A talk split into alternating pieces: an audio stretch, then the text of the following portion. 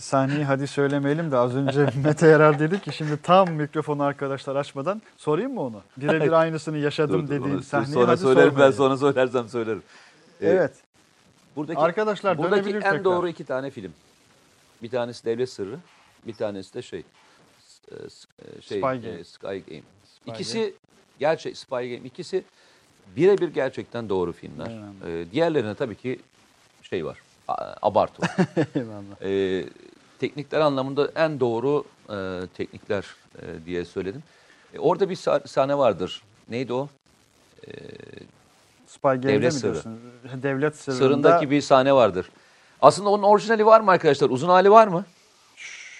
şu an yok sanırım. Şu an yok. Olur ama şu ya an o yok. çok ilginç bir e, sahnedir. O e, içeri bir grup girer.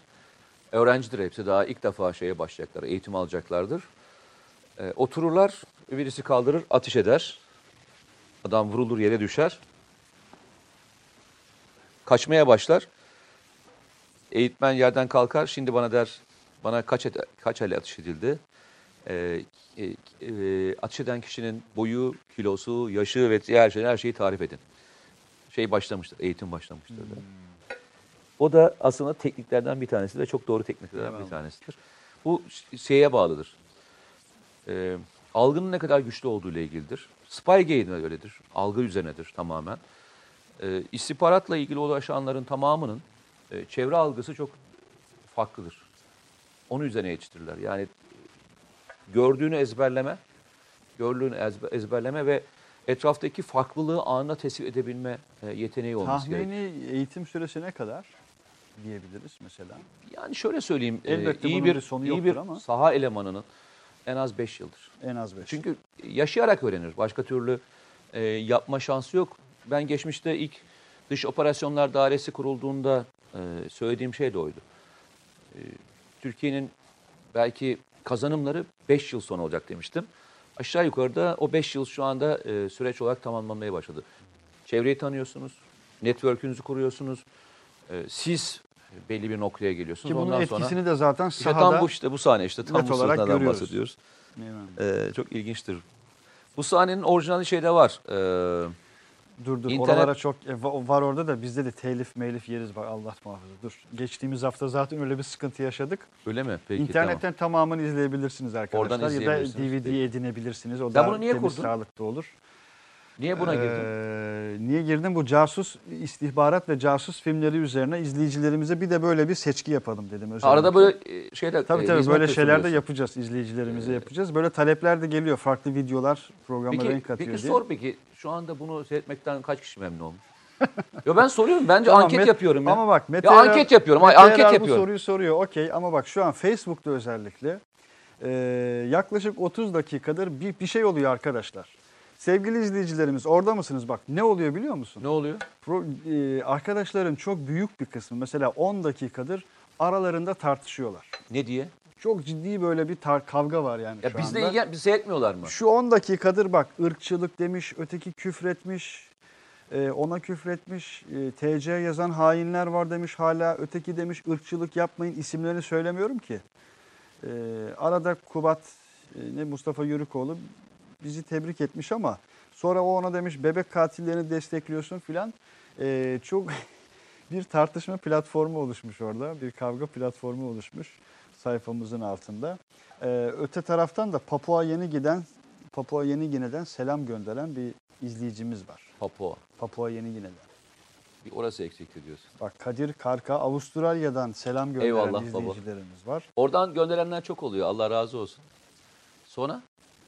Ee, bu milli mücadelenin medya ayağındaki açığı kapattığınız için teşekkür ediyoruz demiş Ahmet Kılıçkaya. Fahrettin Aslan nereden nereye 26 yıl mensubu olduğum jandarma teşkilatında iyi kötü günlerimiz oldu. Geriye baktığımda e, ifadesini okuyorum. İslam'a düşmanlıklar dışında hiçbir baskıya kırgın olamam. Teşkilatımla gurur duyuyorum. Milletimin değerine e, saygı duyan orduma dualarımla demiş. Avustralya'dan selamünaleyküm diyor. Hadi. E, Mon Aro. Çayları tazeleyin lütfen demiş aynı zamanda. Anka İHA'larımız muhteşem olmuş demiş. Cihat e, Mete abi uydularımızla 7-24 İran-Irak e, sınırını e, izliyor muyuz diyor. E, bizim o kadar daha casus uydumuz yok.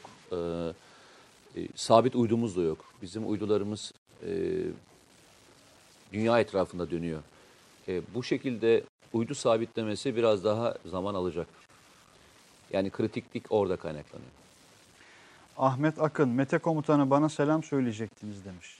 E, Programın söyledim işte ilk girişte söyledim. O Ahmet, o Ahmet Ya değil mi? Ahmet, Bak Hem Ahmet, geç gelen sensin. bak Ahmet Akın selam gönderdi. Bak ben de Hem şahidiyim. de ilk girişte dedim ki Afyon'da kardeşim bana ilk soruyu sordu dedim. Aynen. Hatta selam dahi vermeden evvel neredeyse Ahmet bak senin selamını sana selam söyledi. Avustralya'dan yine selam var. Başka bir selam var. Ee, Çekmeköy'den selam var. Ee, bak bir, bir arkadaş uyarmış. Ee, Ayşe Gümüş Acar hanımefendi uyarmış. Yukarıdaki küfürleri görünce arkadaşlar bayanlar da izliyor lütfen dikkat demiş. Bak ben küfür etmedim hanım kardeşim diyor. Aralarında böyle bir diyalog devam ediyor. Önümüzdeki hafta Ama şey çok güzel. Ben şuna çok seviniyorum. Bir aile olduk. Öyle olduk. Üç grupta paylaştım. Kolay gelsin muhteşemsiniz diyor Ekrem Yalçınkaya. Üç farklı Facebook grubunda paylaşmış. Ee, Allah razı olsun hepsinden. Ee, şu var, e, ben de çok mutlu oldum. Ee, ama bak, senle şeyimiz aynıymış. Farkında mısın zevklerimiz? Spy Spy. Game e, ve e, aynı zamanda geçmiş olmayan adam. Benim e, ve Akbaba'nın üç günü bir üçleme yapacak Yani olursam. geçmişin, geçmiş olmayan adam bir seri. Ama Jason Bourne. ama şöyle söyleyeyim. Ama bak orada bir bir şiirsellik var. Ya bak, Sevgili Mete Eren. değil. Şimdi, Değil. bak Ronin'de de Ronin'de de var aynısı. Hangisi? Ronin'de de var. Robert De Niro'nun Ronin'inde de var. O neydi Ya ya? şu an bak şu Ha, çok Ronin'i keyifli biliyorum. bir muhabbete girdik arkadaşlar. Orada Ronin'i şeyi biliyorum. Ronin'i Ronin biliyorum. Robert De Niro'nun e, bendeki en böyle özgün sağlam filmlerinden birisidir. Ama Ronin bir yine istihbarat değil. Değil o o o şiirsellik ayrı bir şey katıyor film. Bak sevdiğin filmleri sorarsan başka bir şey. Ama hani gerçeklikle e, kopma dersen e, evet bence açıdan e, bence en doğrularından bir tanesi hiç Ama o da İngiliz İngiliz istihbaratının başarısı. Amerikan Bir istihbaratından tane daha film ziyade. vardı. Tam arkadaşlar da hatırlarlarsa çok memnun olurum. Ee, yine Robert De Niro'nun galiba bir öğrenci yetiştirmesiyle ilgili bir şeyi vardı. Ee, CIA'ye bir ekip yetiştiriyorlar. Öğrenciler geliyorlar. Daha sonra içlerinden bir kısmı tuzağa düşüyorlar çocukları falan. Hatırladın mı o filmi? Yok çıkaramadım. Adamları bir çiftliğe götürüyorlar ve çiftlikte eğitiyorlar. Çıkaramadım. Nasıl E- eğit- eski eski bir ya? film mi yakın zaman? Yok yani bir 10 yıllık falan filmdir ama Hmm. e, yine eğitim anlamında, e, yetiştirilme anlamında e, doğru bir e, filmdir. Gerçekliğe e, çok yakındır o yüzden Robert De söylüyorum. Niro'ya da artık öyle eskisi gibi sağlam senaryolar gelmiyor zaten. Garip garip filmlerde rol al- almak durumunda kalıyor garibim. Ee, saatler 0.21 arkadaşlar. Yine mi Ee, gittik oraya kadar? Bugün biraz ediyoruz. geç çıkacağız. E, uyuyanlar uyusunlar. E, yani bugün biraz geç çıkma kararı aldık değil mi? Ama bu, bugüne şey, Bugüne mahsus. bugüne mahsus. Bugüne mahsus. E, öyle yapacağız. E, doğum günüm olduğu için biraz e, daha fazla kalma kararı Make- aldık Ma-. Makedonya'dan Üsküp'ten selam var diyor. Bu arada sevgili Aykut Kuşkaya'nın e, selamı ulaştı. Eyvallah. E, bizden de selam olsun sevgili Aykut Kuşkaya'ya. 15 Temmuz e, marşını öneriyorum. E, Aykut Kuşkaya'nın dinlemenizi öneriyorum. E, biraz da soru yönelteyim mi? Hani selamları özellikle vermek Eyvallah. istedim. E, İHA'larda Soran kim? bir, bir saniye. Kadir Tarakçı. Peki. Ee, Mustafa Fakiroğlu da yine bayanlar var demiş. Ayıptır. Arkadaşlar hakikaten rica ediyorum. Ee, yani o, o sulardan bir uzaklaşalım mı? Yani o, o sulardan bir uzaklaşalım. Çünkü biraz sevimsiz bir yere doğru gitmiş, mevzular uzamış. Oralardan bir çıkalım bence yani. İHA'ların ve SİHA'ların bizim operasyonel gücümüze katkısı tam olarak nasıl olmuştur diye bir soru var. Ee, iki gün evvel de herhalde SİHA'larla ilgili bir, bir detaylı bir rakam çalışması vardı. 449 hedef bildirmiş diye hatırlıyorum SİHA'lar. 449 operasyonda kullanılmış. Zeytin Dalı harekatında. E, 449'dur, doğrudur. Evet. Daha, o az biledir yani daha da fazla olduğunu düşünüyorum. Arıyordur. E, havada kalış süreleri açıklandı biliyorsun. E, SİHA'ların havada kalış süresi çok e, büyük bir rakamdı. Şimdi e, ne kadar kuvvet çarpanını ben sana geçen gün bir örnekle anlatmıştım hatırlarsan. E, konvansiyonel anlamında en güçlü silah nükleer bir silahsa dedim. Hani nükleerse. E, terörle mücadeledeki e, nükleer bombada dedim. SİHA'dır dedim hatırlarsan SİHA. sen. Yine aynı yerdeyim. SİHA'lar e, kuvvet çarpanıdır. E, kuvvet çarpanının etkisini de her alanda e, net olarak hissedebiliyorsun. E, birincisi şöyle bir e, kabiliyeti var SİHA'nın. SİHA'yı biz tamamen şeyle e, özdeşleştiriyoruz. Vurmakla özdeştiriyoruz. Yani etkisiz hale getirdi. Ama asıl büyük şeylerden bir tanesi örgüt bağlantılarını ve e, onların ilişkilerini de ortaya çıkartıyor. SİHA'lar Afrin'de Türkiye'de, bunu gördük. SİHA'da Türkiye'ler Hangi evlerde? veya İHA'lar, SİHA ve İHA'lar diye bahsedelim. Yalnızca şey için kullanılmıyor. Terörist etkisiz hale getirmek için değil, istihbarat toplamak anlamında da kullanılıyor. Bu uyuşturucu için de olabilir. Bu bir e, terör bağlantısı için de olabilir. Bu bir FETÖ bağlantısı için de olabilir. Ağı çözüyor. Normalde eskiden adam adama markaj yapardın. Ne, nasıl adım adama markaj yapardın? Ya araçla takip edersin. yakın ya da temas, fiziki, yakın temas, fiziki yakın takip. takibi takip edersin. Şimdi tamamen onu ortadan kaldırıyorsun. Bir tanesi İHA'yı takıyorsun adama. Yüzlerce kilometre eee, takip ediyorsun.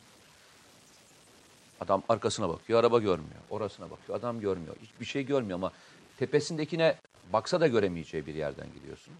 Ve ne yaptıysa ortaya çıkıyor. Bunun en önemli örneklerinden bir tanesi, bundan yıllar önce ilk Bayraktar devreye girdiğinde e, Nurhak, e, PKK Nurhak e, sözde sorumlularından bir tanesinin e, yakalanmasıydı Amanoslara giderken. 300 kilometreye yakın ihale takip edilip örgüt elemanlarının tam buluştuğu anda operasyonla hepsi yakalanmıştı. Yani bir kişiyle e, zaman zaman yüzlerce kişiyi e, yakalayabiliyorsun. Ve örgütsel bağlantıları kim kime yardım ediyor, ne yapıyor, hangi koridorları kullanıyorlar, hangi mağarayı kullanıyorsunuz da kadar da çözebiliyorsun. Şimdi bu bir kalsın. Evet. Çok iyi oldu. Helal olsun. Tam da zamanı geldi. Ha, harika. Tam bunu isteyecektim biliyor musun? Öyle bir şeye mi geçtin? Telepatiye mi geçtin? Artık öyle. Yani hissi kablel vuku Daha önce gelemeyenler şimdi e, kafadan mı geliyor? Belki. bak. Ama Yapay bu işin zekada bu evreye Elif var? Elif ve sevgili Lütfü. E, Elif ve e, Lütfü tebrik ediyorum. Valla e, geçtiğiniz yol müthiş. Bak. Çünkü arkadaşlar normalde bu işi yapmıyorlardı değil mi? Eyvallah. Amanos dediğin anda Amanos'u görmüş Şimdi olduk. şöyle söyleyeyim. Amanoslarda yaklaşık, tabii Amanosların biz yalnızca Hatay ve Reyhanlı kısmını görüyoruz. Bu Amanoslar Osmaniye'ye doğru e, giden, hatta ileri doğru, Nurha'ya doğru giden bağlantılarını da söyleyelim. Bu dağlarda yaklaşık 40'a yakın terörist vardı. Afrin operasyonu başladığından itibaren ve bitirildiği andan itibaren etkisiz hale getiren terörist sayısı 36 kişi oldu. Ki Amanos'la ilgili mesela takip edin. Neredeyse iki günde bir birçok teröristin o bölgede etkisiz hale getirildiğini E çünkü niye? okuyoruz. Lojistik bağlantısını kesiyorsun. Afrin'le artık bir hatları kalmadı. kalmadı. Destek alamıyorsun. Ee, geçiş imkanı kalmadı. Ve e, o bağlantılarla beraber bölgeye giden diğer birliklerde daha fazla operasyon yapmaya başladı. Bak 40 kişinin 36'sı etkisiz hale getirdiğin rakamını ben özellikle ısrarla vurguluyorum. Zaman zaman Amonaslar'da büyük operasyonlar yapılmıştı. Ama örgütün tamamının bu şekilde etkisiz hale getirildiği bir operasyon yapılmadı. Şehitlerimizden bir tanesi, yaralı teröristlerden bir tanesinin ateş etmesi sonucunda e, biliyorsun e, şehit olmuştu. E, diğerlerinde hep hava harekatlarıyla e, ve yerleri tespit edildikten sonra özel birimlerle yapılan operasyonlarla etkisiz hale getirildi. İşte sen sordun yine, SİHA'yı sordun. Nokta atışı operasyonu. Amanos Dağları'nın en büyük sıkıntılarından bir tanesi şeydir. Çok sıktır. Yani neredeyse ilerlerken e, tam tabiri doğruysa doğru tabir anlamında jungle diyebileceğimiz zor bir yerde gidersin. Patikalara mahkumsundur. Bir de geçiş yerleri yarlardan oluştuğu için birkaç noktadan geçebilirsin. Noktalar olarak söylüyorum. O yüzden de teröristler e, barınma imkanını çok net olarak buluyorlardı. Onlar yüksekte olduğu için birlikler yukarı çıkana kadar başka bir bölgeye gitme imkanları vardı.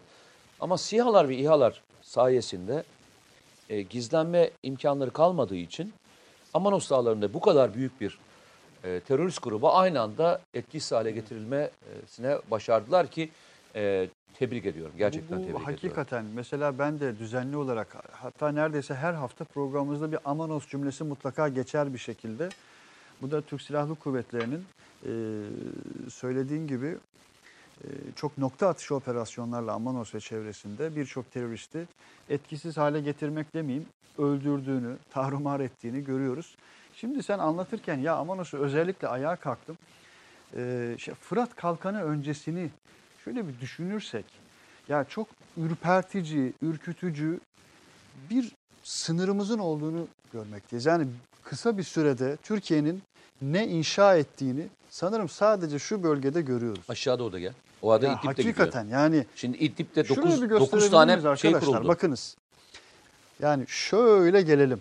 Dokuzuncu gözlem üstünü kurduk. Tabii dokuzuncu. Yani Dokuzuncu. toplam, O- e, o 12 tane üsleri de görebiliriz arkadaşlar. Dokuzuncu gözlem üstünün de olduğu Ee, haritamızı da 12 tane vardı. Biliyorsun. 9.sü kuruldu. Ee, aslında İdlib'deki operasyon çok daha riskli. Ki sen şey örneğini vermiştin ya Afrin harekatı süresinde yani küçük bir bölge olarak görmeyin. Bursa'ya dağıdan mesela baktığımızda eee, ne örneğini vermiştin? İşte buradan Tuzla kadar bir alandan söz ediyoruz. Yani o kadar geniş bir coğrafi Tabii, tabii, alanı. aynı öyle. Bu, bu değil arkadaşlar. Devam edelim diğer haritamız. Yani Türkiye'nin kısa bir sürede nereden nereye bölgeyi getirdiğini, kuşağa getirdiğini, temizlediğini, güvenli bölge haline getirdiğini e, gösteren Şimdi bir bir de e, buradayken bir şey de daha konuşalım. Özellikle e, konuşmanın da önemli olduğunu düşünüyorum. E, zaman zaman e, gittiğim yerlerde şu soru çok sık soruluyor bana. Deniyor ki e, Türkiye bu kadar çok operasyon icra ediyor. Ekonominin e, ekonomi bu yüzden kötüye gidiyor mu diye soru soruyor. Sana e, bu sana da böyle sorular geliyor mu? E, geliyor. e, Yok yok sana da geliyor mu? Geliyor, geliyor. yani normal tabii, şey tabii. Yani gündelik e, Normal konuşmada. sohbetler ortasında da Sohbetler geliyor. anlamında geliyor. Ben herkese şunu söylüyorum. Diyorum ki arkadaşlar sanki Türkiye'de terörle mücadele anlamında hiçbir faaliyet yoktu. Bizim ordumuz normalde 10 bin kişilik bir orduydu. Biz Afrin operasyona gideceğimizde dedik ki kardeşim biz ordumuzu 200 bin kişilik ordu yapacağız. Yani personel e, ödemelerini 1 liradan 100 liraya çıkarttık sanki. Yok. Bizim ordumuz zaten her gün terörle mücadele operasyonu yapan bir ordu. Mevcudu da bu. Biz seferberlik falan ilan etmedik. Normal ordu mevcudu neyse aynı şekilde devam ediyoruz. Peki biz Türkiye'de bu tanklar ve bu birlikler nerede kullanılıyordu? Sana söyleyeyim mi? Türkiye'deki operasyonlar için kullanılıyordu. Şimdi nerede kullanıyoruz? Sınır ötesinde kullanıyoruz. Sınır ötesinde. Yakıt anlamında baktığında aynı yakıtı kullanıyoruz. Peki bu operasyon olmadan önce Türk Silahlı Kuvvetleri Kuzey Irak'a operasyon yapmıyor muydu? Yani uçaklar kalkmıyor muydu? Teröristleri vurmak için gitmiyor muydu? Daha 95'teki operasyonları geçtiğimiz hafta konuştuk burada. Uçmuyor muydu? Yani uçmuyorlar mıydı? Yani şey yapıyorduk biz aslında hiç uçaklarımızı kullanmıyorduk da bir gün sabahleyin anda karar verdik dedik ki sanki. ya bizim hiç de şeyimiz yok, işimiz gücümüz yok. Hani bu sabahleyin bir maceraya gelelim. Afrin'e ve Kuzey Irak'a da gidelim. Yarın sabah da döneriz dedik. Böyle mi bir macera içindeydi? Hayır. Türkiye zaten operasyonu yaşayan bir yer. O zaman eğer öyle olmamış olsa bizim 30 yıllık bilançomuz niye 700 milyar dolar terörle mücadelede? Arkadaşlar ya bir hani bunu bu soruyu soranlara ben onu söylüyorum. Bir yani bir kendinizi silkeleyin kendinize gelin ya. Zaten Türkiye'nin davası bu işi kökünden çözüp artık kanayan bir yara haline gelmiş olan ve Türkiye'yi aşağı çekmek için kullandıkları bir manivayı kırmaya çalışıyor. Ya kardeşim 700 milyar dolar diyoruz bak. E biz o zaman terörle mücadele ederken bunu kullanıyorsak Türkiye kökünden çözdüğü için birçok şeyden de artık yavaş yavaş uzaklaşmaya başlıyor. Başka bir şey daha. Türkiye'nin operasyonel anlamda masrafları geçmişe göre bakıldığında belki 10 kat daha düşmüş durumda biliyor musun? Sebebini biraz geçtiğimiz hafta açıklamıştım. Anlattım. Mühimmat an- anlamında, teknoloji anlamında. Başka bir şey daha var. Kendi içinde dışarıdan alıp başkasının sanayisine de vermiyorsun. Kendi içinde ürettiğin için de kendi içinde döndürüyorsun bu parayı. Dışarıdan bir şey aldığın yok. Bunların her birini üst üste ekleyin diye söylüyorum. Artı bu en belki en önemlilerinden bir tanesi. Türkiye kendi içinde operasyon yaptığında dünyanın gözünde şöyle bir şey var. Kendi ülkesine operasyon yapıyoruz. Yok. Şimdi yurt dışında operasyon yapıp yurt dışında teröristleri temizleyen bir ülke pozisyondasın. Bunun diplomatik anlamda, askeri anlamda, siyasal anlamda birçok kazanımı var. Ki yani dün- bunun parasal bir değeri Ekonomik değeri ölçemezsin. yok sadece. E başka bir şey daha söyleyeyim. Ya arkadaşlar yani bu ülkenin e, bu ülkenin topraklarını korumak için muhasebe hesabı mı yapacağız? Belki en önemliden bir tanesi bu. Bir ara hatırlıyor musun? Türkiye'de konuşulan mevzudan bazıları şöyle örnekler veriyorlardı. E, şu modele geçelim, bu modele geçelim. O modele geçelim diyenlerin e, bask modelinde nereye geldiğini gördünüz mü? Bir ara Türkiye'de bask modeli konuşuluyordu hatırlıyor musun? Hem de çok uzun olmayan, uzak olmayan bir Yani zaman. bu modeli uygulayalım e, diye örnek verenlerin baskıda ne olduğunu gördüler mi? Bu coğrafyanın gerçekliği böyle. Bu coğrafyanın gerçekliğinde eğer Amonoslardaki Hatay, Reyhanlı, Kilis ve diğer yerlerde Osmaniye güvenli olacaksa bu artık sınırda sağlanmayacak. Bu bir asker olarak bundan daha gurur verici bir şey olamaz. Ben kendi topraklarıma insan sokmuyorum kardeşim. Bu bu kadar şerefli bir şey ki bu. Bu kadar şerefli bir şey ki. Normalde silahlı kuvvetlerin görevi nedir biliyor musun? Saldıran gruplar neredeyse onu orada bulup orada etkisiz hale getirmektir. Silahlı kuvvetleri biz çok uzun zamandan beri nerede kullanıyoruz biliyor musun? İç güvenlik harekatına kullanıyoruz. Şimdi komando birlikleri yapması gereken harekatı yurt dışında yapıyor. Yurt dışında, Afrin'de ve ilgili bölgelerde. İlgili Kuzey bölgelerde Irak'ta. İdlib'di, Fırat Kalkanı'ydı, Suriye'sinin herhangi bir alanıydı ve diğer bölgelerde yani Irak dahil olmak üzere eğitimlerde kullanıyorsunuz. Zaman zaman şu sö- sö- söyleniyor. Ya Türkiye'de işte yurtta sulh, cihanda sulhu çok kullanırız biz. Ee, Atatürk'ün bu sözünü. Evet doğrudur. Ama Atatürk özellikle Cumhuriyet kurulduktan sonra da İslam coğrafyasının ve Türkiye'ye yakın olan grupların eğitimi için dünyanın her yerine askeri danışmanların gönderildiğini ve askerlerin eğitiminde Türkiye'nin destek verdiğini biliyorlar mı? İlginç yerlerde ama. Ve Türkiye'nin kazanımlarını sağlamak için normal mücadele ötesine de sınır ötesinde de bunları yaptığını biliyorlar mı? Afganistan örneği en önemli örneklerden bir tanesidir. Afganistan'a gidin. Modern Afganistan'ın kurulmasında Türkiye'nin katkılarını görürsünüz. Ki o katkılar bugün de hala devam ediyor. Birçok ülkeyi sayayım ben sana. Birçok ülkenin ismini tek tek sayayım. Hangi ülkeye askeri danışmanlar gönderilmiş ve o ülkede neler yapılmış. Bunların birçoğu da kim biliyor musun? Atatürk'e çok yakın olan ve gerilla halbini bilen çok önemli insanlar. Çok önemli insanlar. Bu paşaların birçoğu yurt dışına gönderilerek İslam coğrafyasının, İslam ülkelerinin, Müslümanların sömürgeden kurtarılması için teşkilatlanmalarına ya- yardım etmişler. Bunlardan bir tanesi de Yemen biliyor musun? Yemen'de var. Daha sayayım mı e, Türkiye'nin e, bugün doğru yerde olduğunu, sınırında kabul etmediğini, sınırında kabul etmediğini ve neleri kazanımlar elde ettiğini biliyor musun? Türkiye'nin bir dönem Yani sınırlarımız bizi sınırlamamış hiçbir zaman aynı zamanda. Atatürk'ü de sınırlamamış. Ve en imkansız olduğu dönemde sınırlamamış. Yani daha yeni coğrafya şey kurulmuş. E, Türkiye kurulmuş. Borçlarını ödemeye çalışıyor. E, o borçlardan kurtulmaya çalışıyor. Birçok ülkenin siyasi baskısına uğradığı dönemde bile Atatürk coğrafyaya ve Osmanlı'nın dışında kalan insanlara sırtını dönmemiş. Elinden geldiği kadar e, maddi ve manevi ve askeri anlamda yardım etmeye Eyvallah. devam etmiş. Yani bugün o yüzden söylüyorum ben. Silahlı kuvvetlerin bugün kendi gücünün gücüne gelmiş olması, kendine bu kadar özgüven yapmış olması en önemli bir tanesi de bu operasyonlar artık yurt içinde değil, yapılması gereken yerde yurt dışında yapması Neresi gerekiyorsa, sınırın dışında nerede gerekiyorsa. şey mi söyleyeceksin? Gelen mesajlara bakıyorum. Oku. Ee, tam oku dediğin anda bak adamsın Mete abi demiş birisi. Ben de o tonlamayla söylemiş oldum sen. Peki oku, devam et abi. Okur musun diye sorunca arkada 9. gözlem üssünü kurduğumuz bölgemizin haritasını görüyoruz. Ee, dün bir programda söylemiştin sanırım. O dikkatimi çekti. Münbiç e, operasyonunun ilk safhası başladı aslında gibi bir şey söylemiştin. İzleyicilerimiz de mesela Tel Rıfat'a ilişkin sorular soruyorlar. Tel Rıfat'ı Aa, görmekteyiz. Benim, e, benim söylediğim Fakat şey... Akdeniz şu an o kadar sıcak ki biraz da hani Münbiç'i, Tel Rıfat'ı e, unuttuk demiyoruz elbette ama o sıcaklık devam ediyor. Az önce o kurduğun cümle çok önemliydi o açıdan.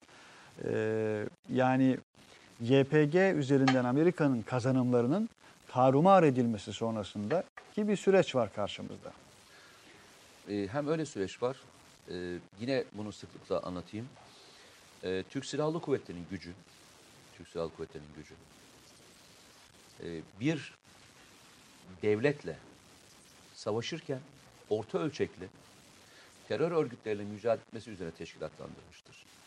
O yüzden de hani e, biz Fırat Kalkanı, Zeytin Dalı ve diğer bölgelere odaklandığımızda diğer yerleri ihmal ediyormuş gibi bir izlenim oluşabilir. Ama Türkiye'nin özellikle yetişmiş asker anlamında emekli olsun, isterseniz daha önce e, görev yapmış olanlar olsun, e, kadrosunu tamamlayabileceği çok nitelikli bir personel kadrosu var. O yüzden de e, çok da hani şey yapmayın, hani endişe etmeyin. Türkiye refleksleri güçlü bir ülkedir. Demin 120 milimetrelik e, mühimmatları e, özellikle koyduk. E, ben şeyi çok tebrik ederim. Yani size de tavsiye ediyorum zaman zaman e, doğru insanlara ulaşmaları anlamında. Türkiye'de Arda Mevlütoğlu vardır. Ardı Mevlütoğlu. Yani onu da e, sıklıkla söylüyorum. Çok okuyan, e, savunma konusunda Türkiye'nin belki yetişmiş olduğu en önemli insanlardan bir tanesidir. Sosyal medyayı da çok doğru kullanır. Can Kasapoğlu'nun da arkadaşıdır. Can Kasapoğlu da yine o çevrede e, kalem oynatan önemli isimlerden birisi. Can Kasapoğlu'nun Anadolu Ajansı'nın analiz bölümünde yayınlanan yazısında bir ifade vardır. Jeopolitik lens. Arda Mevlütoğlu bu jeopolitik lensi e, yazılarına çok iyi şekilde yediren isimlerden biridir. Hem öyledir hem de hiç abartmaz. Yani yazıları sterildir. E, hamaset hiç kokmaz. Neyse odur. Hatta onun bir çok güzel de bir palavra dedektörü diye bir e, şey de var, köşesi de var. E, bütün e, gazete ve şeyleri takip eder ve palavra dedektöründe de yayınlar. Allah onun palavra dedektörüne taktırmak nasip etmesin diyorum ben kendime. Eyvallah. E, şunun için söyledim. E, onun son dönemde e, yazdığı bir yazı vardı. Makine kimya endüstrisinin bu 120 milimetrelikle ilgili yazdığı bir açıklama var. Niye 120 milimetrelik özellikle bu tip mühimmatı ürettiği ile ilgili. Diyor ki bu, bu yazı diyor aslında Türkiye'de savunma sanayinin ve e, işte jeostratejinin ve devletin isteklerinin örtüştüğü bir yazı. Ne? Biz son dönemde ne yapıyoruz? Asimetrik bir savaş yapıyoruz ve aynı zamanda meskun mahal muharebesi yapıyoruz. Meskun mahal muharebesinde en çok kullandığımız enstrüman ne? Tanklar. Ve tankların en çok kullandığı da bu tip malzeme. Evet. Bu operasyonda eee, normalde eğer elimizde geçen hafta bir eee, sana fotoğraf göndermiştim. O fotoğraf hala var mı? Hangisi? 90 milimetrelik eee, M60'ların modernizasyon görüntüleri. 90 diyorum, özür düzeltiyorum. 105 milimetrelik eee, tanklarımızın, M60'ların, M60T değil. Emin arkada şu tankı görüntüsünü bir daha verseniz arkadaşlar. Fotoğrafı değiştirip bir tankımız var ya. O tankımızın görüntüsünü verir misiniz eee, şeyin arkasına? İsmail Bey'in arkasına. Türkiye'de M60'lar, M60T'ler 120 milimetrelik mühimmat kullanıyorlar. Bir de onların M60'ların 105 milimetre namlusu olan hani sana geçen hafta demiştim şu görüntüyü değiştirelim aslında şu anda kullandığımız diye. Onların balistik eee, şeyleri yoktu. Zırhları yoktu. Bu zırhlar olmadığı için de 120 milimetrelik çok fazlasıyla mühimmat kullandık biz. Çünkü bu tip modernizasyon yaptığımız tanklar yalnızca onlar bir de daha e, et kalınlığı fazla olan Leopard tanklarıydı. Onlar da 120 milimetrelik namlu kullanıyorlar. Ama elimizde çok fazla sayı 105 105 milimetrelik şey var. Mühimmatı olan tankımız var. Tankımız var. E ben Türkiye'nin çözümlerini o kadar o yüzden çok seviyorum. Çok zeki çözümler.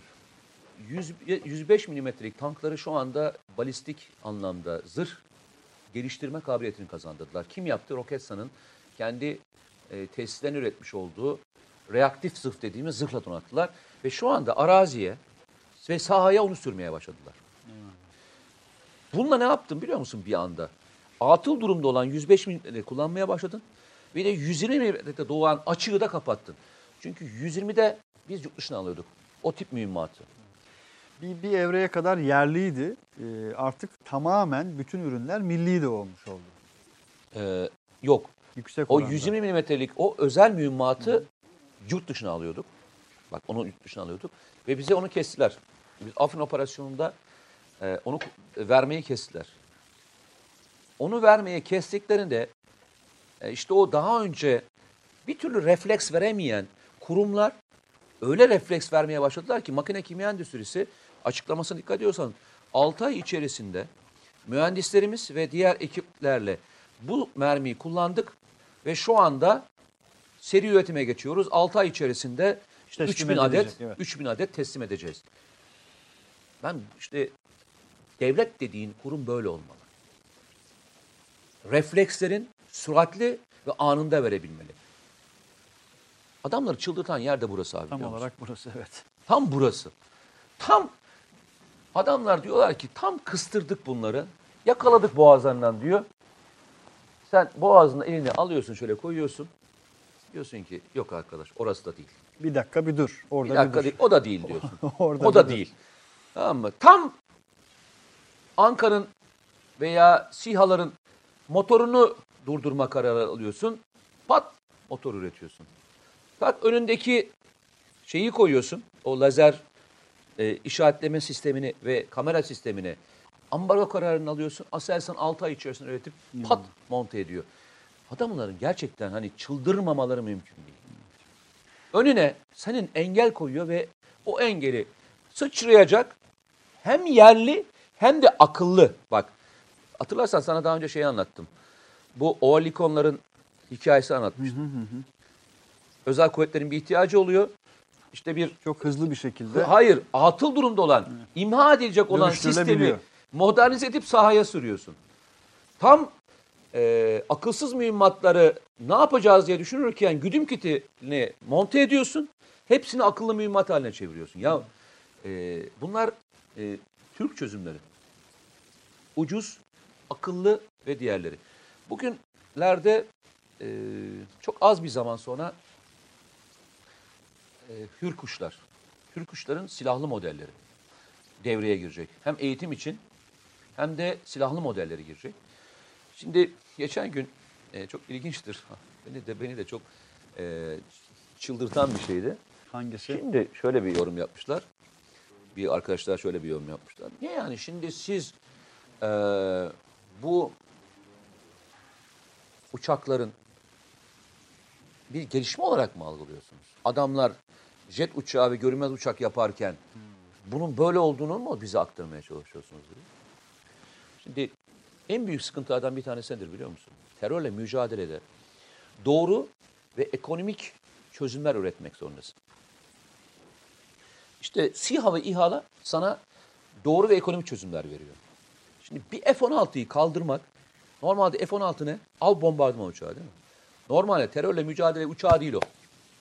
Normal bildiğin başka bir konsepte göre. Veya 120 milimetrelik tank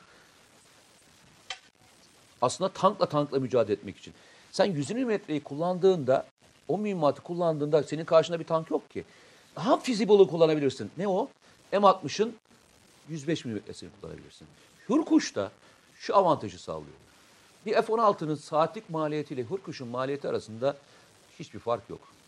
Şey hiçbir fark yok diyorum. Uçurum var arada. Matematiksel olarak bile hesaplandığında. Zaten dava ne biliyor musun? Ama bu kadar Senin- teknik olan bir şeyde peki, bu kadar açık olan bir şeyde bu itirazı nereye Ya adam nasıl ama oturtacağız? adam onu okumuyor ki. Adam okumak istediği şey o değil ki. Türkiye'nin çözümleri o mühimmatı F-16'dan atmak yerine Hürkuş'ta atıyor. Belli irtifada uçtuğu için omuzdan atılan e, füzeyle etkilenmeyecek kadar yüksekten uçuyor. Anında refleks verecek kadar zamanı var ve akıllı mühimmat taşıyacak kadar da üstünde ağırlık taşıyabileceği bir güce de var. Şimdi bu çözüm bir milli çözümdür. Bunun aynısını ben nerede gördüm biliyor musun? Amerikalılar, e, Amerikalılar da bunu böyle hesaplıyorlar. Şimdi arkadaşlar takip ederken herkese tavsiyem şu. E, yabancı kaynakları ve diğerlerini okur, okurken şuna çok dikkat etsinler. İncelik üssünün avantajı ne diye bir yazı çıkmıştı çok zaman önce. Amerikalılar bunu kaleme almışlardı. Adam diyor ki Ürdün'den kalkan bir uçağın maliyeti bu kadar. Havada kalış süresi bu kadar. Katar'dan kalkan uçağın bu kadar. İncirlik'ten kalkan uçağın bu kadar. Aradaki farkı uçuş sortilerine çarptığında bir buçuk milyar dolar falan yapıyor. Ki incirlik bahsi gündeme geldiğinde bu hesaplamalar yine yapılmıştı. Ama işte o hesap yaptığı için incirlikten vazgeçmiyor adam. Şimdi F-16 için de yapıyor. Yine başka bir şey. Dediler ki biz burada çok fazlasıyla F-18'leri falan kullanıyoruz. Çift motorlu uçakları kullanıyoruz. Ne yapalım, ne edelim? Dediler ki geçmişte kullandığımız daha az maliyeti olan uçakları bu bölgeye kullanarak terörle mücadele kapsamında kullanabiliriz. Çünkü bu bir uçak uçağın yaptığı bir mücadele değil. Daha çok hava yer görevi olan bir uçak modeli ne gerek var. En ucuz model hangisi ise hava saati e, ne kadarsa onu kullanalım dediler. Amerikalılar bunu düşününce zeki oluyor. Türkiye kendisine uygun modeli uyguladığında e, aciz oluyor. Ben de bunları anlatıyorum ki çünkü zaman zaman bunu e, yedirdikleri arkadaşlar olabilirler. E, Biz yemiyoruz diyorsun yani. yok Ve yani diyorsun. birçok kişi de yemiyor artık. Eyvallah. Yani birçok kişi de yemediği için benim içim çok rahat. İşte Türk modeli diyebileceğimiz, savunma sanayinde kendisine uygun, imkan ve kabiliyetlerini birleştirebilecekleri modelleri birleştirdiği için geliyor. Bugün teşvik paketi açıklandı. Bayağı da büyük ağır bir e, teşvik paketi. Evet birçok farklı kalemde çok Yani ciddi hem teknolojik anlamda birçok avantajı kazandırabilecek olan donatılmış. avantajlar da var. Ee, çok ilginçtir. Lazer silahı dahi var içerisinde. Değil mi? Evet. Lazer silahı dahil Çok olmak geniş üzere kapsamlı bir paket. e, çok kapsamlı bir e, paket açıklandı. Tabii ağırlık şey olarak gözükebilir. E, savunma sanayi olarak gözükebilir. Ama savunma sanayi birçok e, sanayi de tetiklediğini unutmayalım arkadaşlar. Tek bir kalemde ana ithal eden ülke pozisyonundan satış yapabilen ülke pozisyonuna geçmek de bence çok önemli bir avantajdır. Çünkü teknoloji dediğiniz şey yalnızca orada kullanılmıyor ki. Sen 550 beygirlik bir motor ürettiğinde, dizel motor ürettiğinde e, yurt dışından aldığın e, işte bütün zırhlı araçlarına kullanabilirsin. Tanklar hariç. Zırhlı araçlarda kullanacağın bütün motor çözümlerini kendin üretebiliyorsun. Bu motoru traktörde de kullanabiliyorsun. Bunu işte o kepçe dediğimiz e, araçlarda da kullanabiliyorsun. Güç aktarım olanı isteyecek olanlara kullanabiliyorsun. Pil teknolojisiyle ilgili teşvik modeli getirdiğinde bu pilleri savunma sanayi dışındaki başka yerde de kullanabiliyorsun. Önemli olan o teknoloji transfer edecek olan yatırımı sağlamak önemli bence. Çelik dahil olmak üzere. Bak Türkiye'de Amerika çelikte çok ciddi sıkıntılar, vergilendirmeler, yaşıyorken ve yaşatıyorken. Ya bunları e, bunların her birini lütfen üst üste koysunlar arkadaşlar. Benim hani en büyük ricalarımdan bir tanesi de o. Ben rakamlar üzerinden konuşmayı seviyorum diyorum. Yunanistan Savunma Bakanı bunu görüyor. İşte ben de onu soruyorum. Yunanistan Savunma Bakanı'nın gördüğünü ve rakamlar üzerinden sadece konuştuğumuz bir düzlemde nasıl bir söylem geliştirilebiliyor? Geçen bir yazı yazdım ben. Ee, Yunanistan e, olayıyla ilgili bir yazı yazdım. Dedim ki 1990'lı yıllar Yunanistan'ın gayri safi milli hasılası 100 milyar dolar. Türkiye'nin gayri safi milli hasılası 150 milyar dolar. Arada fark ne kadar? 0.50 değil mi? Tabii Türkiye'nin büyüklüğüne baktığında, nüfusuna falan baktığında, ihtiyaçlarına baktığında e, Türkiye savunma sanayi ile ilgili çok daha az kaynak aktarabiliyor. Bir de bu harcamaların büyük bir kısmı terörle mücadeleye gittiği için baktığında neredeyse Yunanistan daha avantajlı. Yani Yunanistan'ın ekonomik gücü e, Türkiye'den daha fazla olduğunu söyleyebiliriz o dönemde. Sen şimdi geldiğin noktaya e, baktığında neredeyiz? Türkiye 3 katına çıkmış durumda Yunanistan'ın. 3 katına çıkmış durumdayız. Ve ne kadarlık bir zaman dilimi içerisinde olmuş hem de bu. Yani ara ara uçurum anormal bir şekilde açılmış. 0.50 büyük ki söylüyorum 0.50 gibi gözükse de gözükmemesi gerekiyor. Bir taraftan baktığındaki yer anlamında baktığında. Bir ara 1990'lı yıllarda ben o dönemki hani komutanlarımızdan hatırlıyorum. Ee, Yunanistan hava kuvvetleri ve deniz kuvvetlerinin durumu e, Türkiye ile kafa kafaya hatta bazı yerlerde daha iyi pozisyona gelmişti. 90 O dönemde tabii tabii ben çünkü çok şeyi takip ediyordum o dönemde okur yani görevdeyken de savunma sanayini çok sıklı takip ederdim. Birkaç tane dergi vardı hatırlarsın. O dergilerin hepsinin abonesiydim. Artı yurt dışı kaynaklı dergileri de takip ediyordum. Yunanistan'ın savunma bütçeleri e, ve aktarımları çok farklıydı. Onların en büyük teknik hatası hiçbir zaman bunu milli hale getirmeyi düşünmediler. Hep dış satım alımlarla. Çünkü Almanya var. Yani Almanya falan Almanya olmaz. Çünkü neden biliyor musun? Birliği. Bir de o dönemde e, Amerikalıların çok önemli bir tekniği vardı. 7-10 dengesi diye bir de teknikleri vardı. Yani Nedir 7-10 dengesi? e, Türkiye'ye 10 birim veriyorlarsa Yunanistan'a 7 birim veriyorlardı. Yani Türkiye'ye 10 birim birim vermezlerdi. Bu dengeyi hep tutuyorlardı. Bir dakika reklam arası.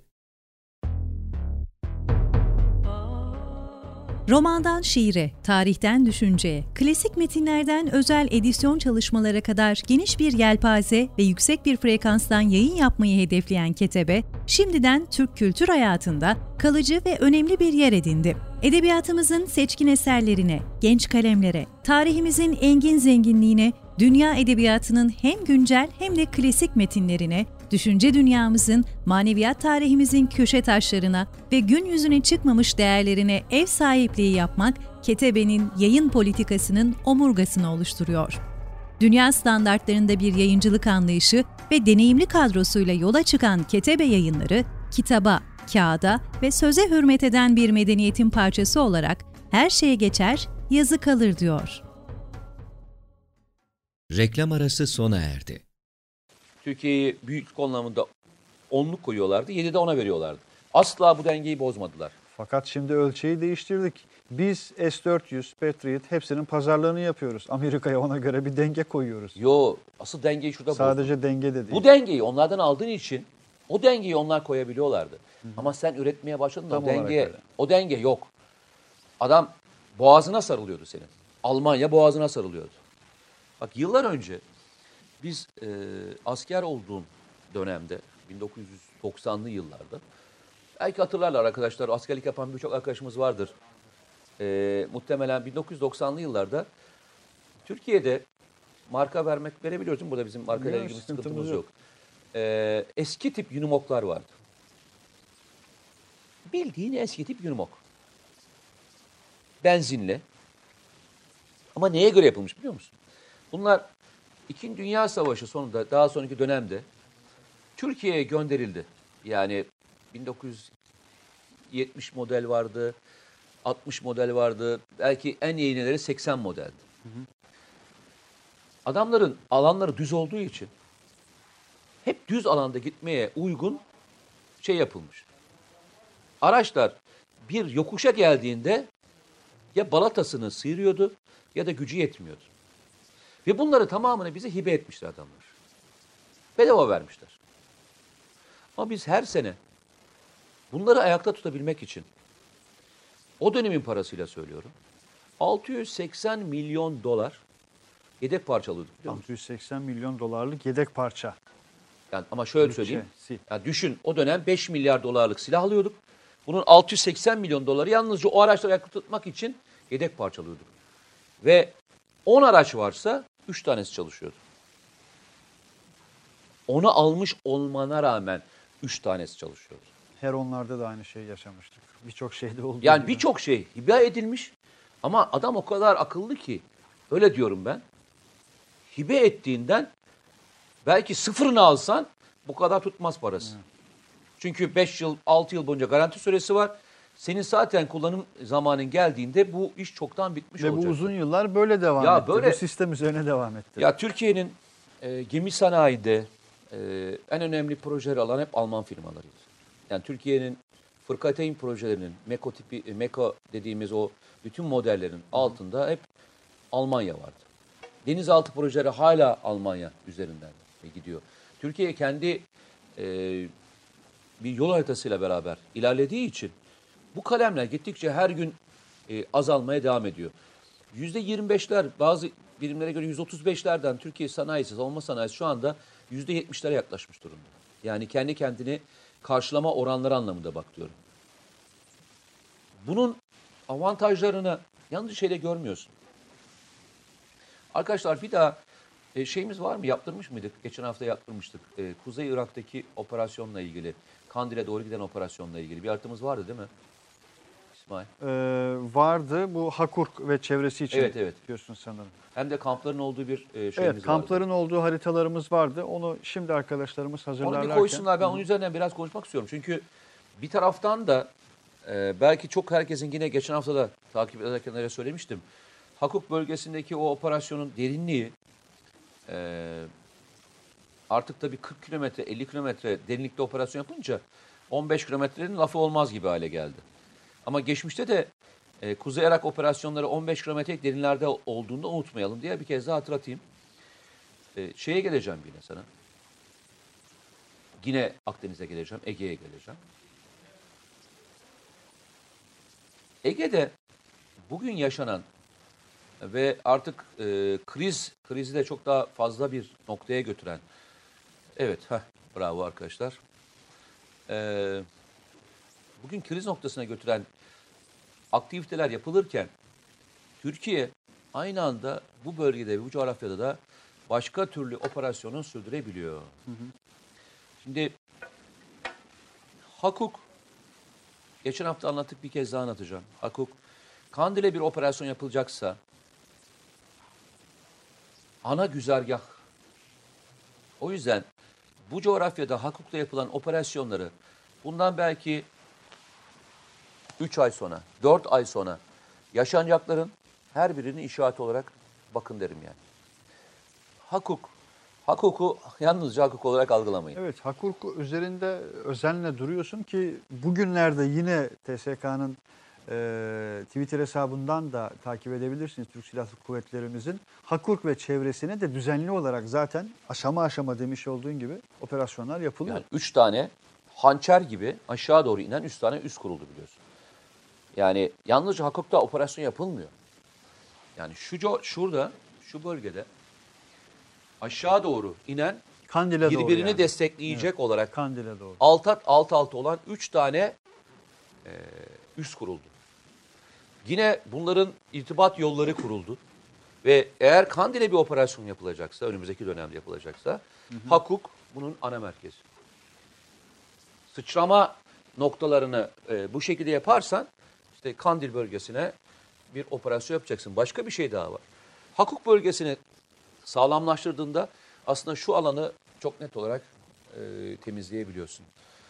E, yine burada biliyorsun Çukurca'nın hemen karşısında e, ciddi anlamda bir saha temizliği hala devam ediyor. Bunu niye söylüyorum? Evet, Sinat ve Haftanin değil evet, mi? evet, o burada, bölgede. e, burada Garazina, Sinak, e, Haftenin diye geçen e, kamp merkezleri var. Aslında bölge isimleri onlar. Bölgeler var. Bu bölgeleri temizlediğinizde Türkiye aynı Afrin'de olduğu gibi sınırını sınırda korumama kararlılığını Sınırını bir kez sınır daha- dışında güvenli bölge Sınır haline sınırda getirme. korunmaz kardeşim. Bu gerçekten de korunmaz. Sınır sınır dışında korunur ve onun bütün e, planını da yapıyorlar. Geçmişte zaten bölgede yaklaşık 5000'e yakın askerimiz vardı. Yeni üslerle falan beraber de bu coğrafyadaki askerlerimiz aşağı doğru kademe kademe e, kaydırılıyor. Ne kadarlık bir e, kilometre olarak ne kadarlık bir alana kadar açılmış Yani şurada oldu bakın askerimiz? Hadan dağları görüyorsun. Şu blok, şu bloğu aldığında, şu bloğu aldığında Türkiye'nin sınır güvenliğini sağlarsın. Yıllar önce Zaho, e, düzeltiyorum, e, yıllar önce Turgut Özal zamanında da hep bu konuşulurdu. Yani e, şu dağlar kuşağının önüne doğru inmek ve orada e, teröristlerin geçiş güzergahını engellemeyle ilgili hep proje konuşulur. Bunu söylediğim tarihler 1990'lı yıllardan bahsediyorum. İşte Ama tabii ki teknoloji, imkan kabiliyetler, e, silahlı kuvvetlerin içerisindeki handikapları falan düşündüğümüzde bu projeler bugüne kadar e, kalmak zorunda kaldı. İstihbari yeterlilik, operasyon gücü az önce bir- birçok başlıkta Ya kalemlendirildi. çok ilginçtir. Ee, Hepsi birbirini Hulusi etkiliyor. Akarpaşa e, Deniz Kuvvetleri'nin Gölcük karargahında yaptığı konuşma içerisinde bir konuya da çok özellikle değinmiş. İçimizdeki FETÖ ve hainler temizlenmeye başladığı andan itibaren silahlı kuvvetlerin çok daha etkin bir muharebe gücü kazandığını da altını çizmiş. Değindiği konulardan bir tanesi de bu. Yani bunu öyle çok da şey yapmayın. E, küçümsemeyin. Yani istihbaratı anlamında, operasyonel anlamında, teknolojik anlamında, savunma sanayi anlamındaki son bir buçuk senedeki gelişimin bir sihirli değnek olduğunu falan düşünmeyin. Potansiyelin önünde ne kadar çok engel olan adam olduğunu anlayın diye söylüyorum. Ki 15 Temmuz sonrasında yani o ifadeyi de çok kullanmak istemiyoruz. Asker demek istemiyoruz. Onlarca, yüzlerce albay, yarbay, pilot görevden alındı. Ee, terörist daha doğrusu görevden alındı. Sonrasında gerçekleştirdiğimiz operasyonlar silsilesine bir bakmak yeterli aslında bunun için. Ee, başka bir şey daha söyleyeyim. Tabii benim için de çok önemli konulardan bir tanesidir bu. Ee, tabii devamlı e, şeyi konuşuyoruz. Hava kuvvetlerini konuşuyoruz. Ama hava kuvvetlerinin e, pilotlarını konuşuyoruz ama yer görevi üstlenen e, oradaki uzman arkadaşları unutuyoruz. Yani asubay arkadaşları unutuyoruz. Ee, Hava kuvvetlerinin Evet, hava kuvvetlerinden bahsediyorum. Bir uçağın kalkabilmesi için yaklaşık 7 tane yer elemanının o destek vermesi gerekiyor. Bir daha söyleyeyim mi? bir uçağın kalkabilmesi için diyorsun. 7 elemanın destek vermesi gerekiyor. Bu uçağın bakımından tut, silahın monte edilmesinden tut, güdüm sisteminin bilgisayarla yüklenmesine tut, koordinatın girilmesine kadar tut. O yer al, e, yer e, personelin desteğiyle sağlanıyor. Ne kadarlık bir süreç mesela bu? Bir uçak operasyona Bismillah denildi. Ee, bu 7 kişi pozisyonlarını aldılar. Kaç dakika içerisinde operasyona hazır bu tim Tabii şimdi bu takribi olarak? yani tabii şu bunu şöyle düşünemezsin ama bunun bir rakamını verdiler. Ee, 14 dakika. Yani üstten kalkması ve hedefi vurması, Afrin'de ki hedefi vurması için Diyarbakır'dan kalkan bu uçak için 14 dakika değil. 14 dakika. Bazen 17 dakika. 14 ile 17 dakika arasında bir e, zaman e, dilimi e, söylendi. E, buradaki önemli şeylerden bir tanesi şu. Bu bütün e, sürecin içerisinde o yer personeli var. Haritasının hazırlanmasına kadar. Uçağına e, hazırlanmasına kadar. Üzerine mühimmatların yüklenmesine kadar. Koordinatların girilmesine kadar ki o yer personeli e, açıkçası nasıl derler? Kaptan için her şeyi yapıyorlar. Biz bazen odağımızı yalnızca e, pilotlar üzerinden götürüyoruz. Binlerce En kritik görev aslında Binlerce asubay arkadaşımız e, bu konuda e, gerçekten e, iyi durumdalar. Ben başka bir şey daha söylüyorum. Hani bunda e, bir kez daha hatırlatayım. Ha burada da ilk defa onu söyleyeyim. İlk defa bizim programda anlatmış olayım. Ben özellikle bu arada arkadaşlar e, kesmiyorum. Yani aslında programımızın şu son 30 dakikasında tırnak içinde ben geçtiğimiz haftalarda Milli Savunma Üniversitesi'nin bir paneline davetliydim, katıldım. E, Milli Savunma Üniversitesi'nin bir panelindeymiş gibi bir anlamda askeri bir ders hüviyetinde olduğu için müdahale Yok, etmiyorum, yok, akıyoruz. değil. Önemli Ee, bilgiler bunlar şöyle- yani teknik olarak Şimdi- da önemli bilgiler. Asker için moral çok önemlidir. Hem de nasıl? Mo- Moral ötesinde bir de onun taltif edilmesi de çok önemlidir. Şimdi şeyleri görürsün bilmiyorum. Çok dikkat ettin mi? Mesela e, Amerika'daki e, personelin şehit ve rozetlerinin çokluğuna dikkat etmiş misindir? Bazen görünmez yani. E, şeyi şuraya kadar göremezsin. iner değil mi? O kadar Buraya kalabalıktır iner. ki. Önemlidir. Ne yaptığını burada görürsün. Yani bir personele baktığında o personelin ne kadar görev yaptığını ve hangi eğitimleri aldığını her bir şerit rozetten e, görürsün. Veya üzerindeki e, işte dediğim breveden görürsün. İşte adam e, helikopter pilotu mu? Pilot mu? Dal- dalgıç mı? E, dağ komandosu mu? E, özel kuvvetlerci mi? Serbest paraşütçü mü? Bütün Her şeyini alırsın. ve yetenekleri orada. Buradadır. Burada taşır e, bir personel e, kimliğini ve buradan gurur alır. Kuzey e, şey operasyonunda, e, operasyon diyorum düzeltiyorum. Kuzey Kıbrıs e, düzenlenmiş olan Kıbrıs Harekatı diyoruz değil mi? 74'te. Harekat diyoruz değil mi? Öyle demiyor muyuz? Evet hareket. Kuzey Kıbrıs Harekatı dedik değil mi? Kuzey Kıbrıs Harekatı'nda şerit özet yapılmıştır. Ve Kuzey Kıbrıs Harekatı'na katılanların bir şerit özetleri vardır. Takarlar burada. O harekata katılmışlar. Türkiye şu anda aslında baktığında iki tane büyük operasyon icra etti. Bunlardan bir tanesi kim? Fırat Kalkanı Fırat Harekatı. Kalkanı ve Zeytin Harekat. Dalı Harekatı. Diğeri de Zeytin Dalı Harekatı.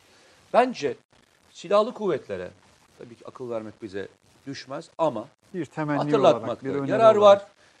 Bu arkadaşlar yıllar sonra da o kıyafetlerini giydiklerinde burada görsünler kendilerini. İster bu Kuzey Irak'taki bir operasyon olsun, sınır ötesi operasyonlarını veya buna mahsus. Çünkü Kuzey e, işte harekata katılanlar, Kıbrıs harekatına katılanların üzerinde Kıbrıs harita silahı vardır. Bu operasyona katılan birisini de yolda görün veya arkadaşları görsün. Bu arkadaş katılmıştır. Evet. Onun için önemlidir. Hiç önemsiz gibi. Bak maddi hiçbir değeri yoktur. Ama manevi değeri vardır. Hatırlatalım. Evet. Bu Bu öneriyi de bulunmuş olalım. e, bu öneri de bulunmuş olalım. Ve bunun bir ekip işi olduğunu unutmayalım. Bu işin içinde uzman arkadaşlarımız Bu var. temelde bir ekip işi. Bu uzman arkadaşlarımız var. Sözleşmeli erlerimiz var. Bu işin içerisinde subaylarımız var. Ve dikkat ediyorsan aslında bütün operasyonlar artık profesyonel orduyla icra ediliyor. Yani operasyonlarda karşıya geçen askerlerimiz yok. Yani zorunlu askerlik kapsamında askere giden askerlerimiz yok. Tamamen profesyonel bir orduyla icra ediliyor. O bu. denli ekip ki şimdi ben şu haritayı sen anlatırken bir daha bakıyorum. Ee, yani cerrah titizliği denilir ya. Yani böylesi bir coğrafyada bu kadar çok ağır koşulların olduğu bir sınır ötesi harekatında cerrah titizliğinin çok çok ötesinde bir ekip, bir birliktelik süreci var karşımızda. Dağda, tepede, bütün o arazilerde. O ekibin anlamını da çok daha çetin bir şekilde gösteren bir coğrafya var. Ee, bunlar yani tabii ki hani birçok olayı var. Bu işin lojistik kısmı var. Yani bu işin idari kısmını geçti bir de lojistik kısmı var. Ee, şurada yüzlerce üs var. Bu üslerin bir kısmına yol yok. Yalnızca helikopterle yani suyu bile Ulaşım helikopterle sağlanabiliyor, gidiyor. evet. Suyu bile helikopterle gidiyor. Bu bölgenin dışında işte emin sana anlattım e, Fırat Kalkanı Harekatı bölgesi. İdlib'deki operasyonlar ve diğerlerine baktığımda bu işin büyük lojistiğinin idare ediliş şekli de önemli. Dediğim gibi bu bir takım oyunu. Bu takım oyunu içerisindeki o bütün takım oyuncularını unutmamak gerekiyor ki Eyvallah. herkes kendisine bir takım oyunu içerisinde olduklarını da hissetsinler. Ben uz- e, zaman zaman e, olaylar anlatılırken insanların rütbelerine çok dikkat edildiğini görüyorum ve çok da üzüyor beni. Ekibin rütbesi olmaz. İşini yapan adam olur. Evet, ekibin rütbesi olmaz. İşini yapan adam olur. Adam olur. Eyvallah. O adamlar sayesinde sen bir Ekip yeri sonuç alırsın, alır. Sonuç Evet. alır. Rütbesine göre adam değerlendirmekten vazgeçelim arkadaşlar. Kahramanın rütbesi olmaz. Mehmet Tamam mı? Ayas, Mehmet Ayas e, gördüm, sorunu gördüm. E, diğer arkadaşlardan bile baskı var. E, bölmeyeyim yani Ne? rütbe olmaz dedin. Orayı bir Bir daha söyle tamamlayalım. sor sor. Kusura bakmasın. Ya hakikaten e, Mete Bey'in bu akışını ben bölmek istemediğim için sevgili Mehmet Ayaz sorunu sormak istemedim. Artık Mehmet Ayaz şey demiş. Çaycı abi demiş. Tanıyan var mı? Ee, onunla demiş sorumu göndereceğim. Peki neymiş? Ee, mesela Türkçe Atsız MHP isimli bir hanımefendi de ne olur demiş e, Mehmet Bey'in sorusunu cevaplayın artık demiş. Neymiş o? Soruyu lütfen yöneltin demiş. Mehmet Bey'in sorusuna bakalım. Ee, Rusya diyor Ee, Türkiye'yi neden teknolojik olarak destekliyor? Hinterlandı yüksek Türkiye'den Batılılar gibi korkmuyor mu? Türkiye'yi NATO'dan koparmak onun için bu kadar önemli ve yeterli mi? Hangi teknolojik olarak destekliyor? Soruyor. İşte bu bu tanımlama Hangi öyle mi? teknolojik olarak destekliyor? Teknolojik olarak destekliyor. Yani e, herhalde S-400'ü kastediyor. Yani ben e, bunun böyle bir Ama şey bu olduğunu teknolojik düşünmüyorum. olarak desteklemek anlamına mı geliyor? Bu- Gelmiyor. Bunun adı o mu? Ya ben ben olduğunu zannetmiyorum. E, evet bir askeri işbirliği Çünkü var. biz geçtiğimiz yıllarda e, İsrail'den de bir şey satın Ya alıyorduk. hatırlarsan e, bizim hep başından beri söylediğimiz şey var. Bir ülke önce kendisine güvenir. Kendi teknolojisini yaratmaya çalışır. Ve birileriyle işbirliği yaparak da o kırıntıları toplarsın aslında. Anayı toplamazsın bak. Kırıntıları toplarsın. O kırıntılar bir yerde sana inanılmaz bir şekilde e, alır başka bir yerlere götürür. Lavrov'un açıklamasını gördün. Bugün Sayın Cumhurbaşkanı da buna itirazını yükseltti. Teslim edesin sen de girdin. Yok arkadaş tamamen bir dostluk ve müttefiklik anlayışı diye bir kavram yok. Kendin dostsun, kendin müttefiksin. Artık Hiçbir şey gelmeyecek gibi git kardeşim Tüm ilişkilerimizi biraz öyle yürütüyoruz. Bir şey söyleniyor, önce bir dur. Önce bir dur, önce bir çekil. Yani bir, bir sakin ol e, diyebiliyoruz tüm süreçlerimizde. Hem aynen askeri öyle. olarak Yani, hem e, siyasi olarak. Ha tabii sıkıntı yaşayacağız. Yaşarız. Ekonomik olarak da sıkıntı yaşayabilirsin. Ee, zaman zaman askeri malzemeleri tedarik etmekte zorlanabilirsin. Ama her şeyin bir yedek planı vardır. Silahlı kuvvetler, ben yalnızca silahlı kuvvetler için söylüyorum. Tabii ki diğer bakanlıkların da vardır. Her birinin en az D planına kadar vardır. En az dört plan daha vardır. Değişik alternatifler. Peki, ter- Yıllar ter- önce Ters bir soru sorayım mı? Yıllar önce. Heh. Tamam Bak, bitirmeyeyim, bitireyim. D, D planı dedin onun için. Asel, Asel sana geziye gitti. O zaman özel kuvvetlerdeyiz. Bir şey için, bir kurs alırken oraya da gezi düzenlemişlerdi. Gittik. Ee, yüzbaşıydı diyorsun. Evet yüzbaşıydı. Dediler ki işte Aselsan'ın genel müdürlerinden bir tanesi veya o bölümün müdürlerinden bir tanesine bize şeyi anlatıyor. Termal kameraların üretilmesiyle ilgili olan sistemi anlatıyor. Bir tedarik programını gösterdi bize. Dedik ki ben sorum şuydu. O zaman daha bu kadar yerlilik oranı da yoktu. Dedim ki şunları şunları şunları dışarıdan aldığınızı söylüyorsunuz. Bu malzemelerin alınmasını bir savaş esnasında gelemeyeceğinizi planlıyor musunuz dedim. Adam aynen şunu söyledi. Biz dedi bir malzemeyi alırken en az 4 veya 5 ülkeden tedarik ediyoruz dedi. Bunların hiçbiri de aynı bloktan değil dedi. Yani ne demek istedim? Birisi Çin, Evet. Farklı bloklardan. birisi işte ne diyeyim Güney Kore, bir tanesi ABD, yani. bir tanesi Almanya. Örnek veriyorum. Hiçbir bir alakası olmayacak ülkelerden bir tedarik programımız var. Aynı parçayı yalnızca bir yerden almıyoruz. O yüzden de şöyle tabiri kullandı. Bir dünya savaşı çıkmadığı müddetçe olmaz. Ama Türkiye şu an geldiği nokta o malzemelere de daha başka bir şey daha söyledi. Bu malzemelerin tamamı dedi sivil parçalar. Biz de bunları birleştirdiğimizde bir askeri enstrüman çıkıyor ortaya. Hepsi sivil parçalar. Bu da ayrı bir mühendislik zekası mühendislik. gerektiriyor. Ee, biz de, de hepsini üretmeyi, e, planlamayı biz de planlıyoruz. Ama dünyada da adam böyle çalışıyor. Amerika Birleşik Devletleri de şu gördüğünüz parçayı üretirken şuradan alıyor. Örneklerini de gösterdi. Ama biz dedi bazı kritik malzemeler vardır. Biz bunları üretmek için uğraşıyoruz. O zaman üretmeye çalıştıkları şeylerden bir tanesi neydi biliyor musun? Çiplerdi. Çipleri üret, üretemiyordu. Aradan 3 yıl geçti. E, Aselsan çip fabrikasını kurdu ve Türkiye'de çip üreten e, çok daha aza gelen çipler üretmeye başladı. Bunu söylemeye çalışıyorum. Bu bir yol haritası. Tam sözümü keseceğim dedim sonra e, bir iki dakika bekle demiştim. Neydi? Aha, Unuttun mu? D, D, D planı dedin. Ha. Ee, çünkü zaman zaman öyle şeyler de geliyor. Mesela 15 Temmuz için e, istihbaratın, askerin, polisin e, bir B, C, D planı yok muydu diye mesela sorular geliyor bazen. Onu nasıl bir anlayamadım tam cevap. Şeyin soruyu anlayamadım. Yani böylesi bir işgal girişimine karşı e, bir plan var mıydı? Böyle bir işgal girişimiyle karşılaşıldığında Askeri birimler, istihbari birimler. Kitabımı okuyun.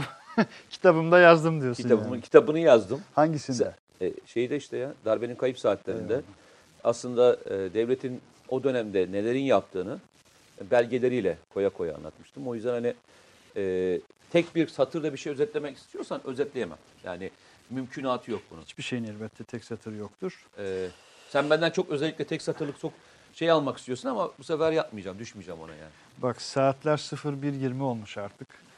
Ee, Bir, izley- biraz daha gidip bırakalım. izleyicilerimizden Uyusunlar. böyle mesajlar da geliyor. Ee, abi sabah okulumuz var, işimiz var. Ne olur bitirin tekrar. artık diye. Ee, izleyicilerimiz kendi arasında da şu an işte Twitter'da biraz mentionla bir tartışma ortamına girmişler. Hangi e, sanırım. konu ne ben de bakayım biraz. ya. Rusya Rusya meselesi üzerinden S-400 üzerinden böyle bir tartışma dönüyor şu anda. Evet Mention'da ikimizin Twitter hesaplarının hemen Mehmet altında Ayaz yanı başında. gerçekten seninle çok uğraşmış ya. Bayağı ama yani ben bir özellikle süredir görüyordum. hareketi galiba işe yarayacak. Dışarıdan destek de aldı Mehmet Ayaz. Sorusunu yönelttik.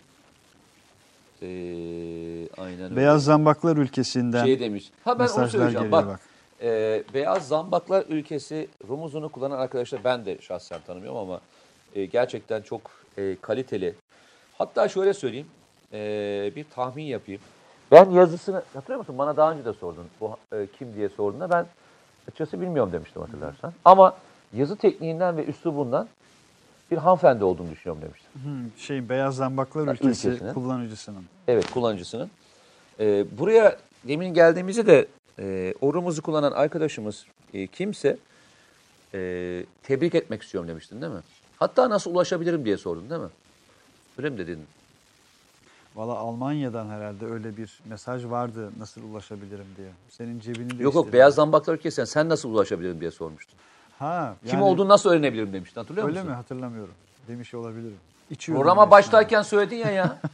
olabilir. Hayır şey anlamında. Ha, beyaz yararlanmak anlamında evet, söyledin. evet, şey evet. anlamında. O kadar hani güzel e, konulara giriyor ve çok güzel bir şekilde kullanıyor demiştin e, Türkçesini falan. O yüzden e, bir DM'den DM'den size yazsın. Eyvallah. Ben açıkçası kim olduğunu gerçekten bilmiyorum ama bir şey söyleyeceğim.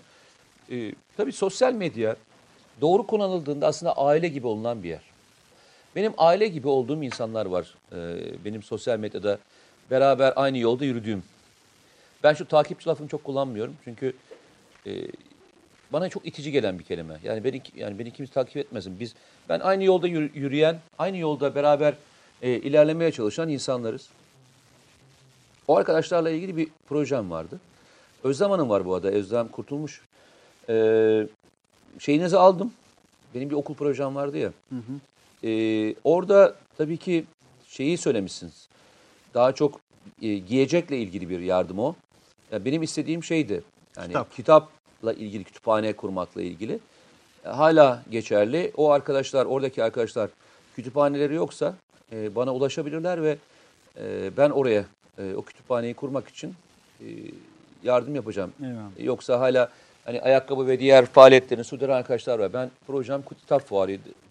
Kitaptı ve o kitapta devam etmek istiyorum. Kitap demişken e, yani ben de kendi adıma öyle bir söz verebilirim. Bir Mustafa Kutlu kitapları seti e, almanızı, hediye etmenizi öneriyorum. E, Can Can işte o proje kapsamında. Yok ben e, edeceksen ben edeceğim. Bana söylüyorsun demektir bunu. Vallahi sana sana Bana mı söylüyorsun? Sana da söyleyebilirim. Evet. yapacak mısın? Ben niye yapayım?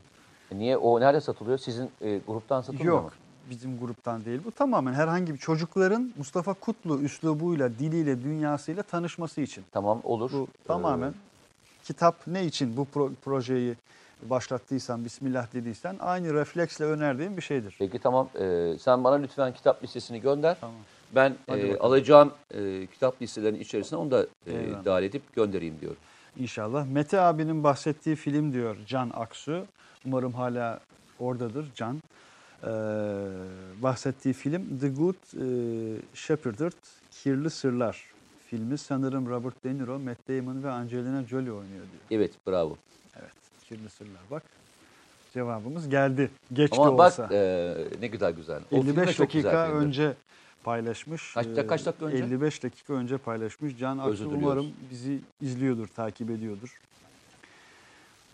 Sesler nereden geldi bugün? Ha, Bak, onu diyorum. Mehmet e, Ayaz gözlerim yaşardı demiş sorumu. Şey bir şey söyleyeceğim. Valla Mehmet Benim Ayaz e, şeyi çok gizli istiyorum. özneydi adam. Bak özne oldu resmen bak bir anda Ee, programda. Şimdi tabii ki bazı arkadaşlarla gerçekten çok omuz omuza gidiyoruz. Takipçi değiller onlar benim e, yol arkadaşlarım. Yol arkadaşlarımızla zaman zaman da e, mesajlaşıyoruz telefon şeyle e, sosyal medya üzerinden. Zam, şöyle bir şey düşünüyorum. E, sen de istersen katılmak istersen, e, gelmek istersen e, böyle beşerli onarlı arkadaş gruplarını eğer İstanbul'a gelirlerse, İstanbul'da eğer bulunuyorlarsa tabii ki İstanbul'dan başlayabiliriz. Arkadaşlarla haftada bir gün, bir saat, bir buçuk saat kadar bir çay içip, bir kahve içip beraber sohbet etmek istiyorum. Ee, tek başa değil tabii, 5-10 kişilik e, karışık gruplar halinde oturup sohbet etmek istiyorum. Ee, onlara da söyleyeyim çünkü zaman zaman söylediler e, bana bir araya gelebilir miyiz diye. E, ilk projem gerçekten ve sizinle zaman geçirmek istedim de söyleyeyim. Çünkü siz benimle çok zaman geçiriyorsunuz. Ben nereye gitsem benimle berabersiniz. Ben nereye gitsem e, orada o desteğinizi veriyorsunuz.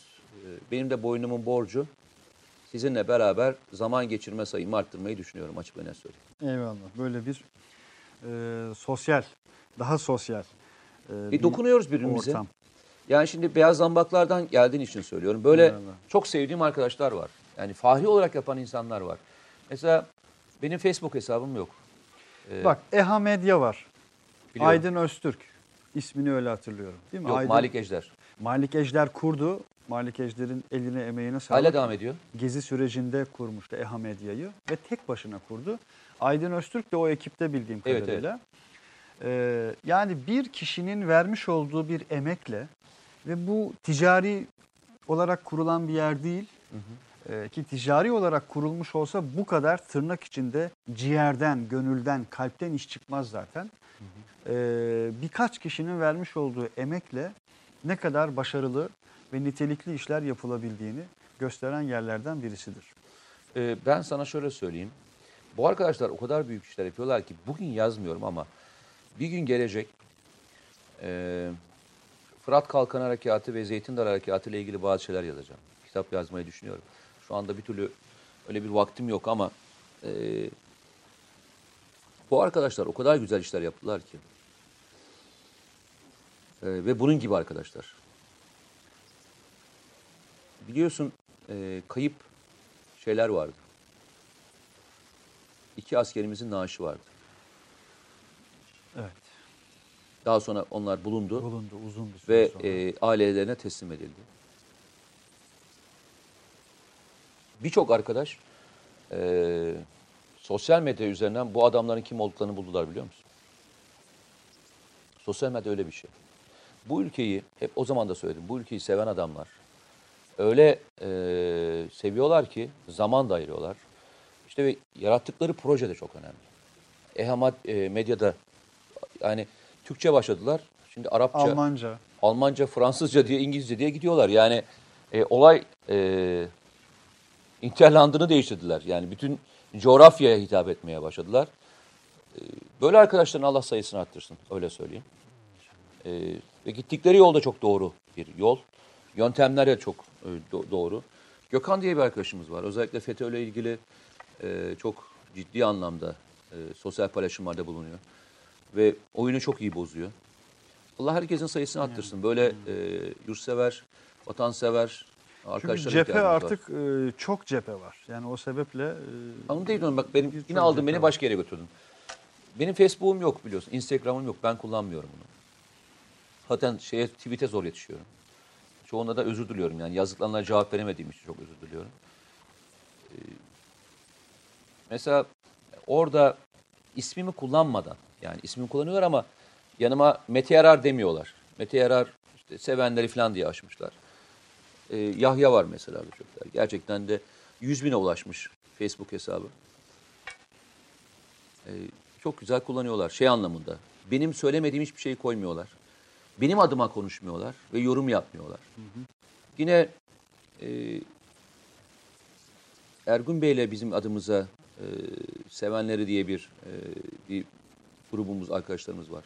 Onlar e, ne söylesem ancak onu koyuyorlar. Başka hiçbir şey yapmıyorlar. Çünkü benim adıma açılmış onlarca sahte hesap var e, sosyal medyada.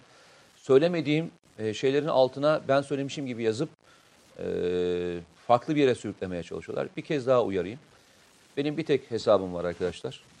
O da Twitter hesabı. Olur ama ya. Şimdi Mevlana Hazretlerinin bile başına gelmiş de senin başına mı gelmiş? Yo, Ben gelsin bende bir sıkıntı yok. Ben uyarıyı şöyle yapıyorum. Eyvallah. Abi bunu Bu söyledin mi önemli, dediklerinde bu ben hep şunu söylüyorum. Ya arkadaşlar diyorum yani ben söylediğimde zaten lafımı hiç esirgemiyorum ki. Esirgemedim bugüne kadar. İnandığım bir şeyin uğruna boynum kıldan ince de kardeşim. Eyvallah. Şehit ailelerini ziyaret tertip etsek birlikte demiş bir öneri olarak. İki payitaht olarak biz talibiz. Bu tip bir projede her ilde olan arkadaşlarımız var şükür. Onları oradan Yani e, oradaki e, ş- e, her ilde e, malul ve gaziler e, dernekleri var. Bu dernekler şeyleri çok iyi takip ediyor. Afyon'da gittiğim yerdeki bir gazi e, arkadaşımız başında, bir uzman çavuşumuz başında e, orada. Gerçekten de çok şey bir çocuk, cevval bir çocuk. E, tebrik ediyorum da onu. Afyon'dakine gittim çok da mutlu oldum. E, orada gazilerle bir araya geldim, e, şeylerle, şehit yakınlarıyla bir araya geldim. Oralara gidebilirler. Oradaki arkadaşlarla irtibata geçebilirlerse e, hangi yerde, en son kim geldi, hangi şehit ailesiyle görüşmek istediklerini onlar üzerinden planlasınlar çok daha e, başarılı olurlar diye e, tavsiye ediyorum. Ee, artık kapatalım diyoruz. Yavaş E, yavaş. kapat. E, arkadaşlar eve gidecekler çünkü. Yavaş Bizim- yavaş değil hızlı hızlı kapatalım diyoruz. Az evvel e, izleyicimiz yakalamışlardır izleyicilerimiz de. E, mesajı okurken bir gülümsedim. Sevgili yönetmen e, kardeşimiz Lütfü'nün söylediği cümleye gülümsedim açıkçası. Dedi ki abi biz zaten dedi şehit ailelerini ziyaret ediyoruz biliyorsun dedi. E, evet izleyicilerimiz de biliyorlar. Gezete.com ve yenişafak.com e, dijital yapımlar olarak bir süreden bu tarafa birçok şehit ailesini ziyaret etti ekibimiz. Kızdırmak adına gitsinler. O ailelerle Hani askerleri askerleri ziyaret ettiğinde kızıyorlar ya. Şehit ailelerine de gitsinler. Daha çok kızdıralım. Hmm. Kızsınlar. Kızmaları için diyorsun. Yok hayır. Biz hiçbir şeyi kızmaları Anladım, için anladım, yapmıyoruz. Biz e, işimizi yapacağız. Onlar daha çok kızsınlar. Yani. Ee, Birazdan zaten Tabuta Sığmayanlar e, isimli o özel e, projeden bir bölümle kapatacağız.